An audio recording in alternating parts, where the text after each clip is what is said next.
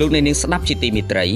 បច្ចុប្បន្នប្រទេសកម្ពុជាមានសុខសន្តិភាពពេញលេញដែលធ្វើឲ្យការអភិវឌ្ឍមានការរីកចម្រើនលើគ្រប់វិស័យអ្វីដែលកាន់តែសំខាន់នោះគឺបណ្ដាប្រទេសនៅលើពិភពលោកបានទទួលស្គាល់ប្រទេសកម្ពុជានៅលើឆាកអន្តរជាតិនិងបានផ្ដល់កិត្តិយសដល់កម្ពុជា ក្នុងការរៀបចំកិច្ចប្រជុំធំៗជាច្រើនលើកមកហើយជាក់ស្ដែង នៅចុងឆ្នាំ2021នេះប្រទេសកម្ពុជានឹងធ្វើជាម្ចាស់ផ្ទះ កិច្ចប្រជុំកំពូលអាស៊ីអឺរ៉ុបលើកទី13ហៅកាត់ថាអាស៊ឹមដែលកិច្ចប្រជុំនេះនឹងត្រូវបានរៀបចំឡើងនៅថ្ងៃទី25ដល់ថ្ងៃទី26ខែវិច្ឆិកាឆ្នាំ2021តាមរយៈប្រព័ន្ធអនឡាញដោយមានប្រទេសចំនួន51ចូលរួម ក្នុងនោះ30ប្រទេសមកពីទ្វីបអឺរ៉ុបនិង21ប្រទេសមកពីទ្វីបអាស៊ីរួមទាំងតំណាងមកពីសហភាពអឺរ៉ុបនិងអគ្គលេខាធិការអាស៊ានតើអ្វីទៅជាកិច្ចប្រជុំកំពូលអាស៊ីអឺរ៉ុប ក្នុងនាមជាម្ចាស់ផ្ទះតើប្រទេសកម្ពុជានឹងទទួលបានអត្ថប្រយោជន៍អ្វីខ្លះអំពីកិច្ចប្រជុំមួយនេះដើម្បីជ្រាបច្បាស់សូមលោកអ្នកនាងតាមដានស្ដាប់បទយកការរបស់វិទ្យុជីកម្ពុជាដូចតទៅ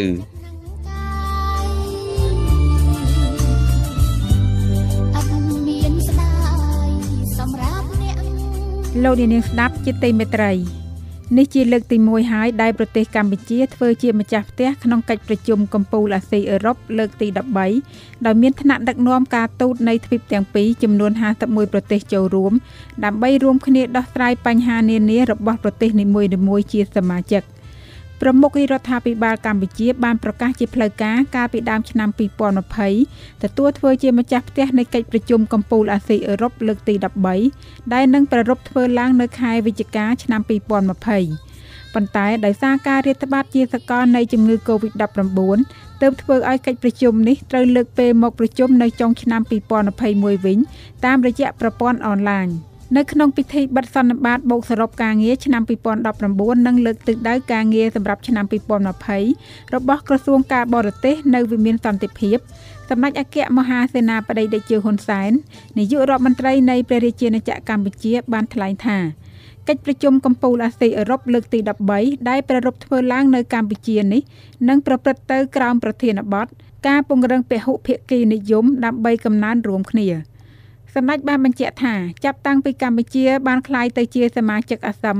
នៅឆ្នាំ2004មកកម្ពុជាបានផ្ដល់តម្លៃខ្ពស់ចំពោះព្រឹត្តិការណ៍នេះគឺជាវេទិកាដ៏សំខាន់សម្រាប់កិច្ចសហប្រតិបត្តិការរវាងតំបន់អាស៊ីនិងអឺរ៉ុបដែលនាំមកនៅផលប្រយោជន៍ទៅវិញទៅមកជាច្រើន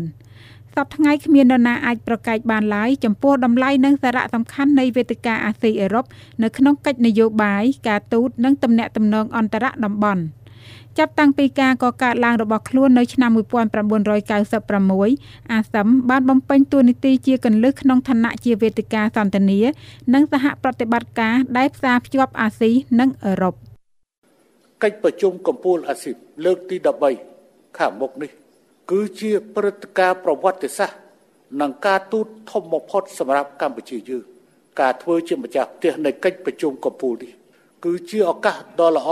ប្រសើរបំផុត សម្រាប់កម្ពុជាបញ្ជាក់ក្នុងកម្រិតខ្ពស់បំផុតនៅការបដិញ្ញារបស់ខ្លួនចំពោះការពង្រឹងប្រព័ន្ធពហុភាគីនិយមការចូលរួមនិងកិច្ចខិតខំប្រឹងប្រែងរបស់ពិភពលោកក្នុងការដោះស្រាយការប្រឈមជាសកលនិងការចូលរួមស្វែងរកកាលានុវត្តភាពក្នុងការធ្វើឲ្យប្រសើរនៅសេដ្ឋកិច្ចពិភពលោកកម្ពុជាបដិញ្ញានិងសម្រេចកិច្ចការនេះ ប្រកបដោយកិត្តិយសនិងជោគជ័យការដែលសហគមន៍អន្តរជាតិសម្រាប់ប្រគល់សិទ្ធិដល់កម្ពុជា ធ្វើជាម្ចាស់ផ្ទះកិច្ចប្រជុំដ៏ធំបែបនេះមានន័យថាពួកគេជឿជាក់លើសមត្ថភាពរបស់កម្ពុជាក្នុងនាមជារដ្ឋអធិបតេយ្យនិងមានសមត្ថភាពដ៏ពេញលេញក្នុងការរៀបចំចាត់ចែងកិច្ចប្រជុំលំដាប់អន្តរជាតិបានដោយប្រទេសដទៃទៀតដែរ។ ជាពិសេសការសម្រេចបែបនេះគឺជាសារដែលសហគមន៍អន្តរជាតិចង់បញ្ជាក់ថារាជរដ្ឋាភិបាលអាណត្តិទី6ដែលមានសម្ដេចតេជោហ៊ុនសែនជាប្រមុខនិងដែលទទួលបានការគាំទ្រយ៉ាងលើសលប់ពីប្រជាពលរដ្ឋខ្មែរគឺជារាជរដ្ឋាភិបាលដែលមានកិត្យានុកូលភាពយ៉ាងពេញលេញទាំងនៅក្នុងប្រទេសនិងនៅលើឆាកអន្តរជាតិ លោកហេងសុផលអគ្គនាយករងនៃអគ្គនាយកដ្ឋានសហប្រតិបត្តិការអន្តរជាតិបានមានប្រសាសន៍នៅក្នុងកម្មវិធីសន្ទនាមតិជីវិតយើងសង្គមយើងថានេះជាមោទនភាពណាស់សម្រាប់ប្រទេសកម្ពុជា ដែលប្រមុខរដ្ឋាភិបាលបានខិតខំប្រឹងប្រែងក្នុងការលើកកម្ពស់មុខមាត់ប្រទេសលើឆាកអន្តរជាតិ។ ASEM នេះគឺជាតំណាងឲ្យកិច្ចប្រជុំរវាងបណ្ដាប្រទេសអាស៊ីនិងអឺរ៉ុបដូច្នេះតំណែងតំណងរវាងពីរទ្វីប ដែលយើងអាចធ្វើកិច្ចសហប្រតិការគ្នារួមប្រជុំនៅកិច្ចប្រជុំកម្ពុជានេះឡើងដើម្បីផ្ដោតទៅលើកិច្ចសហការផ្នែកនយោបាយសេដ្ឋកិច្ចនិងការអភិវឌ្ឍអញ្ចឹងវាមានសារៈប្រយោជន៍ណាស់សម្រាប់ប្រទេសដូចជាកម្ពុជាយើងនេះដែលយើងមានកិត្តិយសបានបណ្ដាប្រទេសទាំងអស់ទុកចិត្តឲ្យយើងបានរៀបចំកិច្ចប្រជុំនេះឡើងគេទុកចិត្តយើងឲ្យយើងគឺជាប្រធានក្នុងការរៀបចំកិច្ចប្រជុំនេះឡើងដូច្នេះវាមានសារៈសំខាន់ណាស់សម្រាប់ប្រទេសយើង លោកបន្តថាទោះបីវិបត្តិ COVID-19 ធ្វើឲ្យខកខានការប្រជុំដោយផ្ទាល់ហើយជំនួសដោយការប្រជុំតាមប្រព័ន្ធអនឡាញវិញក៏ដោយក៏ប្រទេសកម្ពុជា នៅតែខិតខំរៀបចំឲ្យមានកិច្ចប្រជុំនេះឡើងតាមពេលវេលាដែលបានកំណត់ដោយសារបញ្ហា COVID គឺធ្វើឲ្យពេលវេលានឹងវិវត្តព្រឹត្តិការណ៍នឹងវិវត្តទៅដោយពុំបានទៀងទុកដូច្នេះបានដូចជាយើងទៅឆ្នាំ2020នោះគឺយើងគ្រោងធ្វើជាលក្ខណៈប្រជុំដោយផ្ទាល់ ប៉ុន្តែយើងមិនអាចប៉ាន់ស្មានបានទេយើងអាចលើកពេលទៅចុងឆ្នាំក្រោយមកគឺយើងលើកពេលជាច្រើនដងដែរគឺនេះក្នុងគោលបំណងដូចខ្ញុំបានជម្រាបជូនខាងដើមអញ្ចឹងគឺយើងចង់បានណាស់ថាឲ្យជាតិយើងនឹងទទួលនៅកិត្តិយសបានការចូលរួមដោយផ្ទាល់ពីថ្នាក់ដឹកនាំកម្ពុជាកម្ពុជានៅក្នុងបណ្ដាប្រទេសអឺរ៉ុបនិងបណ្ដាប្រទេសអាស៊ីនេះមកស្រុកយើងបញ្ហាកូវីដនេះគឺប្រឈមពិភពលោក ហើយចេះតែរីករាលដាលទៅរីករាលដាលទៅហើយយើងបានគិតអំពីសុខុមាលភាពរបស់ប្រជាជន ជាសំខាន់ជាធំជាងបន្ទាប់មកពីការអភិវឌ្ឍជាតិយើងអញ្ចឹងសុខុមាលភាពនេះសំខាន់ណាស់បានជាការសម្រេចរបស់ប្រមុខដឹកនាំយើងការទូតយើងត្រូវលើកទៅជា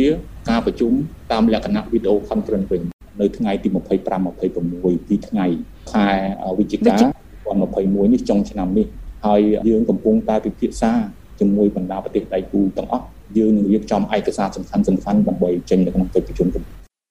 ច្ចប្រជុំកំពូលអាស៊ីអឺរ៉ុបជាវេទិកាសន្ទនាដែលមានគោលដៅជំរុញនិងលើកស្ទួយកិច្ចសហប្រតិបត្តិការជិតស្និទ្ធរវាងប្រទេសអាស៊ីនិងអឺរ៉ុបដោយឈរលើគោលការណ៍ស្មើភាពគ្នា និងដើម្បីផលប្រយោជន៍រួមលោកហេងសុផលមានប្រសាសន៍ទៀតថានៅក្នុងកិច្ចប្រជុំកំពូលអាស៊ីអឺរ៉ុបប្រទេសកម្ពុជាបានលើកយកប្រធានបទ ការពង្រឹងពហុភាគីនិយមដើម្បីកំណើនរួមគ្នា ដើម្បីដោះស្រាយរួមគ្នាលើបញ្ហាផ្សេងផ្សេងហើយក្នុងឆ្នាំនេះគឺយើងជ្រើសរើសយកប្រធានបទមួយគឺពហុភាគីក្នុងកំណើនរួមអញ្ចឹងគេហៅថាពហុភាគីនិយមក្នុងកំណើនរួមដូច្នេះបញ្ជាក់យើងអាចបានទាំងន័យខ្លីមួយនេះក្នុងការចែករំលែកកំណើនរួមក្នុងមូលបទដ៏ខ្លីនេះគឺមានខ្លឹមសារគ្រប់គ្រាន់ ការកិច្ចសហប្រតិបត្តិការគ្នានៅក្នុងតំបន់ជាភូភាគីរវាងអាស៊ីនិងអឺរ៉ុបថាយើងត្រូវធ្វើយ៉ាងម៉េចដើម្បីឲ្យមានការអភិវឌ្ឍរួមគ្នាធ្វើយ៉ាងម៉េចឲ្យកិច្ចសហប្រតិការគ្នានៅក្នុងតំបន់ទាំងអស់នោះមានការអភិវឌ្ឍរួមគ្នាទាំងអស់អញ្ចឹងដោយសារបរិបត្តិ COVID-19 នេះក៏វាស្ថិតនៅក្នុងការរួមគ្នាឲ្យមានកំណើនរួមដែរដើម្បីយើងធ្វើម៉េចដើម្បីកំណើនរួមដូច្នេះជាជំហានដំបូងគឺយើងត្រូវតែរួមគ្នាប្រយុទ្ធប្រឆាំងនឹង COVID-19 នៅក្នុងកិច្ចប្រជុំនេះនឹងមានព្រឹត្តិការណ៍ចំនួន6បន្ថែមទៀតអមទៅនឹងកិច្ចប្រជុំគឺទី1វេទិកាអាស៊ីអឺរ៉ុបស្ដីពីស្ត្រីសន្តិភាពនិងសន្តិសុខ2កិច្ចប្រជុំសភាជាដៃគូសភាអាស៊ីអឺរ៉ុបទី3មហោស្រពវប្បធម៌កិច្ចប្រជុំអាស៊ីអឺរ៉ុបទី4កិច្ចប្រជុំកម្ពុជាថ្នាក់ដឹកនាំវ័យក្មេងមូលនិធិអាស៊ីអឺរ៉ុប ទី5កិច្ចប្រជុំតុកមូលក្រុមនិពន្ធសារព័ត៌មាននៃមូលនិធិអាស៊ីអឺរ៉ុបលើកទី10និងទី6វេទិកាធុរកិច្ចនិងសេដ្ឋកិច្ចអាស៊ីអឺរ៉ុបលើកទី1 ជាមួយគ្នានេះដែរឯកឧត្តមលេងប៉េងឡុងអគ្គលេខាធិការរដ្ឋសភាធ្លាប់បានបញ្ជាក់ថា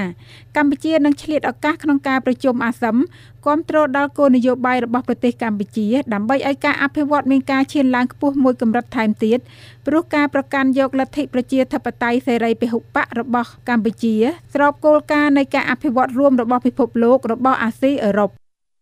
ប្រទេសកម្ពុជាយើងបានជ្រើសរើសយក ការអភិវឌ្ឍតាមរយៈគេហៅថាគោលការណ៍ពហុភាគីនិយមហើយនឹងដោយតាមរដ្ឋធម្មនុញ្ញគឺថាសេដ្ឋកិច្ចសេរីបើខាងផ្នែកនយោបាយយើងជ្រើសរើសយកនយោបាយរបបប្រជាធិបតេយ្យសេរីភូប៉ានេះគោលនយោបាយរបស់យើងអញ្ចឹងហើយជាគោលការណ៍មួយដែលយើងគិតថា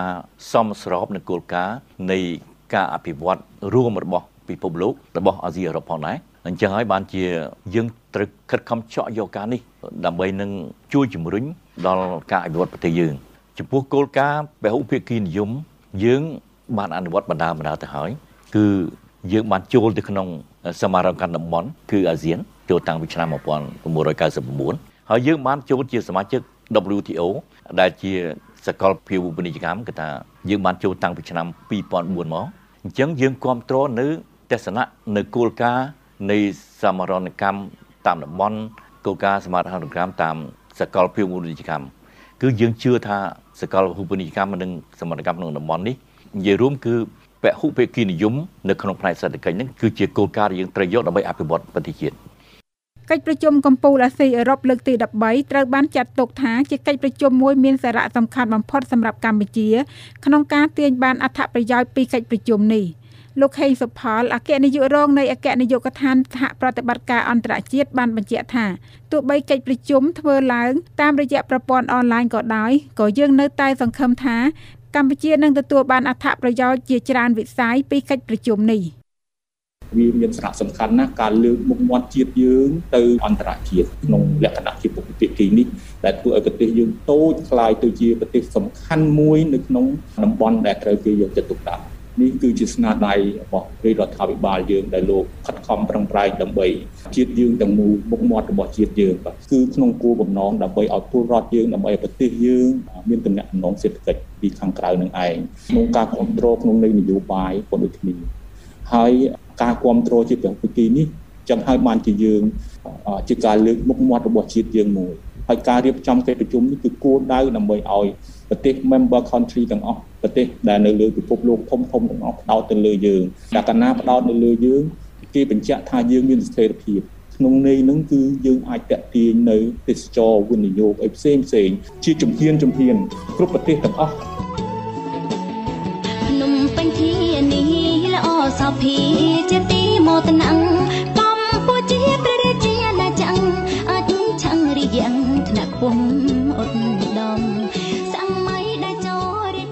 លោកនាងស្ដាប់ជាទីមេត្រីតាមការបញ្ជាក់របស់ឯកឧត្តមឧបនាយករដ្ឋមន្ត្រីប្រាក់សុខុនរដ្ឋមន្ត្រីក្រសួងការបរទេសបានបញ្យល់ថាកិច្ចប្រជុំអាស៊ីអឺរ៉ុបហៅកាត់ថាអាស៊ឹមគឺជាកិច្ចពិភាក្សានៃដំណើរការផ្លូវការមួយនិងកិច្ចសហប្រតិបត្តិការរវាងសមាជិកសហភាពអឺរ៉ុបទាំង30ប្រទេស និងអាស៊ីចំនួន21ប្រទេសព្រមទាំងលេខាធិការអាស៊ានផងដែរ។ កិច្ចពិភាក្សាអាស៊ឹមលើកឡើងពីបញ្ហានយោបាយសេដ្ឋកិច្ចនិងវប្បធម៌ជាមួយគោលបំណងនៃការលើកកម្ពស់ទំនាក់ទំនងរវាងតំបន់ទាំងពីរដោយឈរលើគោលបំណងនៃការគោរពគ្នាទៅវិញទៅមក និងភាពជាដៃគូដោយស្មើសិទ្ធិគ្នា។ អាស៊ឹមត្រូវបានបើកកិច្ចប្រជុំជាលើកដំបូងកាលពីឆ្នាំ1996ក្នុងទីក្រុងបាងកកប្រទេសថៃដោយមានការចូលរួមពីប្រទេសចំនួន15នៃសហភាពអឺរ៉ុបនិងប្រទេសចំនួន7នៃសមាជិកអាស៊ានបូកថែមប្រទេសចិនជប៉ុនកូរ៉េខាងត្បូងនិងថ្នងការអឺរ៉ុបប៉ុណ្ណោះនៅពេលនោះអឺរ៉ុបបានទទួលស្គាល់ពីការអភិវឌ្ឍការលូតលាស់យ៉ាងរហ័សនិងសក្តានុពលនៅក្នុងតំបន់អាស៊ី ហើយគេចង់ពង្រឹងទំនាក់ទំនងនិងកិច្ចសហប្រតិបត្តិការតាមរយៈការពង្រឹងនិងការធ្វើទំនើបកម្មទំនាក់ទំនងលើវិស័យឬសសរស្តម្ភ3គឺនយោបាយសេដ្ឋកិច្ចនិងវប្បធម៌កិច្ចប្រជុំកំពូលអាស៊ឹមគឺជាការជួបគ្នារវាង2ឆ្នាំម្ដងរបស់ប្រមុខដឹកនាំរដ្ឋនិងរដ្ឋាភិបាលប្រធាននៃក្រុមប្រឹក្សាអឺរ៉ុបប្រធាននៃស្នងការអឺរ៉ុបនិងអគ្គលេខាធិការនៃសមាគមប្រជាជាតិអាស៊ីអាគ្នេយ៍ហៅកាត់ថាអាស៊ាន។ កិច្ចប្រជុំអាស៊ីអឺរ៉ុបដែលធ្វើឡើងជាទៀងទាត់រៀងរាល់2ឆ្នាំម្ដងបានក្លាយជាវេទិកាមួយយ៉ាងសំខាន់សម្រាប់កិច្ចសហប្រតិបត្តិការជាដៃគូក្នុងការថែរក្សាសន្តិភាព ស្ថិរភាព ការអភិវឌ្ឍសង្គមនិងសេដ្ឋកិច្ចប្រកបដោយចីរភាពការធ្វើជាម្ចាស់ផ្ទះរៀបចំកិច្ចប្រជុំកំពូលអាស៊ីអឺរ៉ុបគឺឈរលើគោលការណ៍ស្ម័គ្រចិត្តនិងបដូរវេនគ្នារៀងរាល់2ឆ្នាំម្ដងដោយម្ដងធ្វើនៅអាស៊ីនិងម្ដងធ្វើនៅអឺរ៉ុប កិច្ចប្រជុំកំពូលអាស៊ីអឺរ៉ុបលើកចុងក្រោយបានធ្វើឡើងនៅក្នុងខែតុលាឆ្នាំ2018នៅទីក្រុងព្រុចសែលប្រទេសបែលហ្សិកនាងខ្ញុំសនសវិនពទ្យុជាតិកម្ពុជាព្រៀបបានចិនរៀងច្បាស់អស់តមនិនមៀងមើលនិរដីរៀងស្មីស្ដប់ដំកល់រូបដូនពេញវីរាំងស្រីខ្មែរស្នេហ៍ជាតិពេញវិញគួស្រឡាញ់